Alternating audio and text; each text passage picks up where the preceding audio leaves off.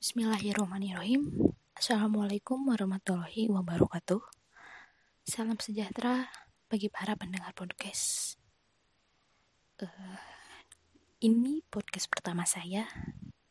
Maka dari itu saya akan memperkenalkan diri terlebih dahulu. Podcast ini saya akan beri nama podcast gado-gado. Kenapa? Karena mungkin ke depannya saya tidak akan selalu mengupload podcast dengan tema yang sama. Uh, nama saya Nelly, Nelly Ramdayanti. Saat ini sebagai mahasiswa Universitas Islam Negeri Sunan Gunung Jati Bandung, jurusan agroteknologi. Nah, uh, dalam podcast kali ini saya akan membahas mengenai pengalaman saya melakukan budidaya tanaman Kemudian saya juga akan mereview artikel tentang budidaya tanaman dari teman saya seperti itu.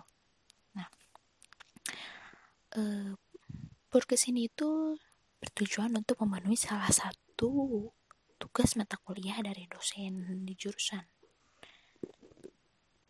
Nah, kenapa saya membahas tentang budidaya?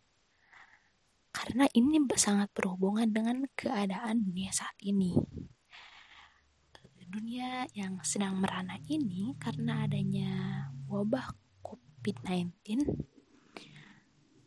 membuat semua orang perlu ada di rumah masing-masing atau di rumah saja.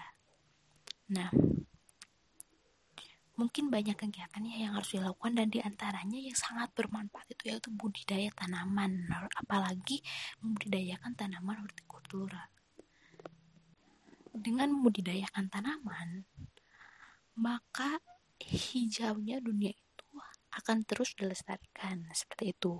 Atau bisa disebut mempertahankan mempertahankan populasi makhluk hidup seperti itu. Nah budidaya tanaman sendiri jika dilakukan oleh setiap orang ini tuh akan memperoleh keuntungan yang baik baik dari segi ekonomis maupun dari segi konsumsi sebagai makanan Nah, budidaya tanaman ini tuh juga dapat memperoleh hasil yang maksimal dari kualitas hasil produksi. Dapat meningkatkan kesejahteraan masyarakat juga. Kenapa? Karena dapat terbukanya lapangan pekerjaan untuk masyarakat. Nah, budidaya tanaman ini itu dapat dijadikan sebagai sarana untuk mengelola potensi sumber daya alam. Dengan budidayakan tanaman, maka dapat membuat udara semakin bersih dan lingkungan semakin sejuk, bermanfaat kan untuk dunia. Langsung saja ke pengalaman saya dalam melakukan budidaya tanaman. Nah, e, mungkin sudah banyak ya saya melakukan budidaya, budidaya tanaman dan di antaranya itu saya membudidayakan kacang tanah Nah, kacang tanah ini sebenarnya tidak bagus ya di pot. Dan salahnya saya, saya selalu menyiramnya setiap hari, padahal kan tidak boleh.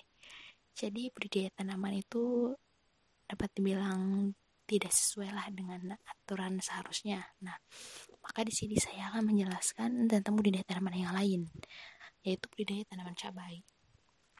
Nah, budidaya tanaman cabai ini itu terlebih dahulu kita harus melakukan pembibitan ya.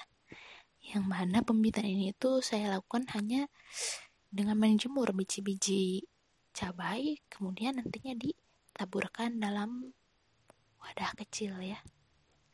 Dan disimpan di tempat aman. Kenapa? Karena kalau kalian menernak ayam biasanya bibit-bibit itu dimakan ayam sehingga akhirnya habis. Nah maka dari itu perlu disimpan di tempat aman tapi dengan unsur hara yang cukup ya. Nah eh, saya menanam cabai itu di samping rumah saya karena memang kebetulan ada tanah kosong ya. Nah cabai-cabainya tumbuh bagus karena mungkin memang terpapar sinar mataharinya secara cukup. Memang tidak disiram tetapi hanya mengandalkan air hujan saja karena mungkin suhunya juga cocok yaitu sekitar 25 derajat celcius di sini sampai 28 derajat celcius sehingga cabai tumbuh baik nah lanjut saya akan mereview artikel teman saya. Nah, jadi artikel teman saya ini tuh berjudul menanam bawang daun menuju masyarakat mandiri. Oh terlebih dahulu saya akan perkenalkan teman saya ini. Beliau itu bernama Nabila Faujia. Sekelas dengan saya yaitu mahasiswa agroteknologi di UIN, Sunan Gunung Jati Bandung. Nah, artikel beliau itu berjudul menanam bawang daun menuju masyarakat mandiri. Kenapa judulnya seperti ini? Karena dengan menanam bawang daun, maka dengan membudidayakan bawang daun ya, mungkin maksudnya di rumah masing-masing, maka akan menciptakan masyarakat yang mandiri, akan pangan seperti itu. Nah, sebagaimana kita ketahui ya teman-teman, bahwasanya bawang daun itu merupakan tanaman sayuran yang banyak diminati penduduk Indonesia. Tanaman ini itu dapat diolah menjadi berbagai macam makanan ya, seperti martabak telur, terus sebagai penambah cita rasa pada makanan Indonesia seperti sayur sop, berbagai macam tumis dan lain sebagainya. Nah, apalagi dalam dalam keadaan seperti ini ya teman-teman, adanya pandemi yang luar biasa ini itu membuat masyarakat Indonesia melakukan segala aktivitasnya hanya di rumah saja ya, sebagaimana saya bilang. Nah, maka dari itu eh, dengan budidaya tanaman bawang daun akan bermanfaat bagi diri sendiri lah berbicara tentang pangan, mungkin para pendengar podcast akan berpikir bahwa tanaman bawang daun ini itu tidak dapat menciptakan keadaan masyarakat yang mandiri pangan ya. Sebagaimana dijelaskan tadi di judulnya. Nah, maka mulai hari ini mari kita melakukan kegiatan kecil terlebih dahulu karena dimulai dari hal kecil maka akan berdampak besar. Tidak kita tahu ya kan tidak ada yang tidak mungkin di dunia ini. Nah, langsung saja pada isinya. Nah, budidaya tanaman ini itu untuk kegiatan awalnya itu hanya memerlukan tiga poin saja teman-teman, yaitu batang bawang daun, pot yang berisi tanah, dan pisau saja. Sesimpel itu bukan? Nah, jadi untuk langkah awalnya itu terlebih dahulu tanaman bawang daun itu dipotong dan hanya disisakan batangnya saja dan daunnya kalian bisa gunakan untuk diolah menjadi makanan ya teman-teman nah kemudian setelah bahannya siap maka langkah selanjutnya yaitu menanam.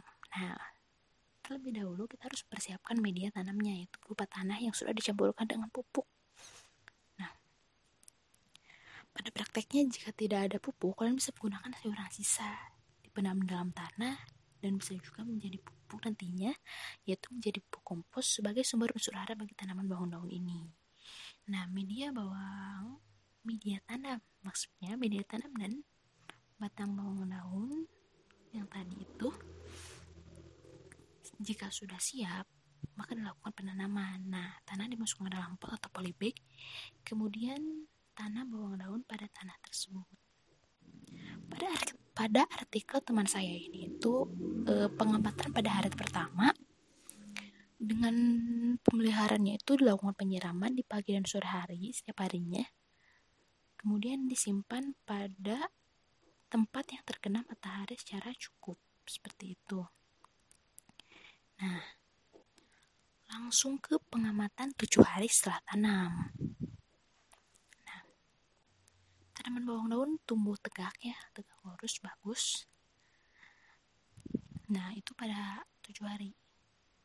E, terlebih dulu kita akan berbelok dulu kepada manfaat dari tanaman bawang daun itu yaitu di antaranya limbah rumah tangga limbah rumah tangga yang berkurang teman-teman kemudian memaksimalkan lahan yang ada menjadi salah satu kegiatan yang berfaedah serta memberi manfaat yaitu dalam membeli sayuran karena bisa memanen di pekarangan rumah sendiri.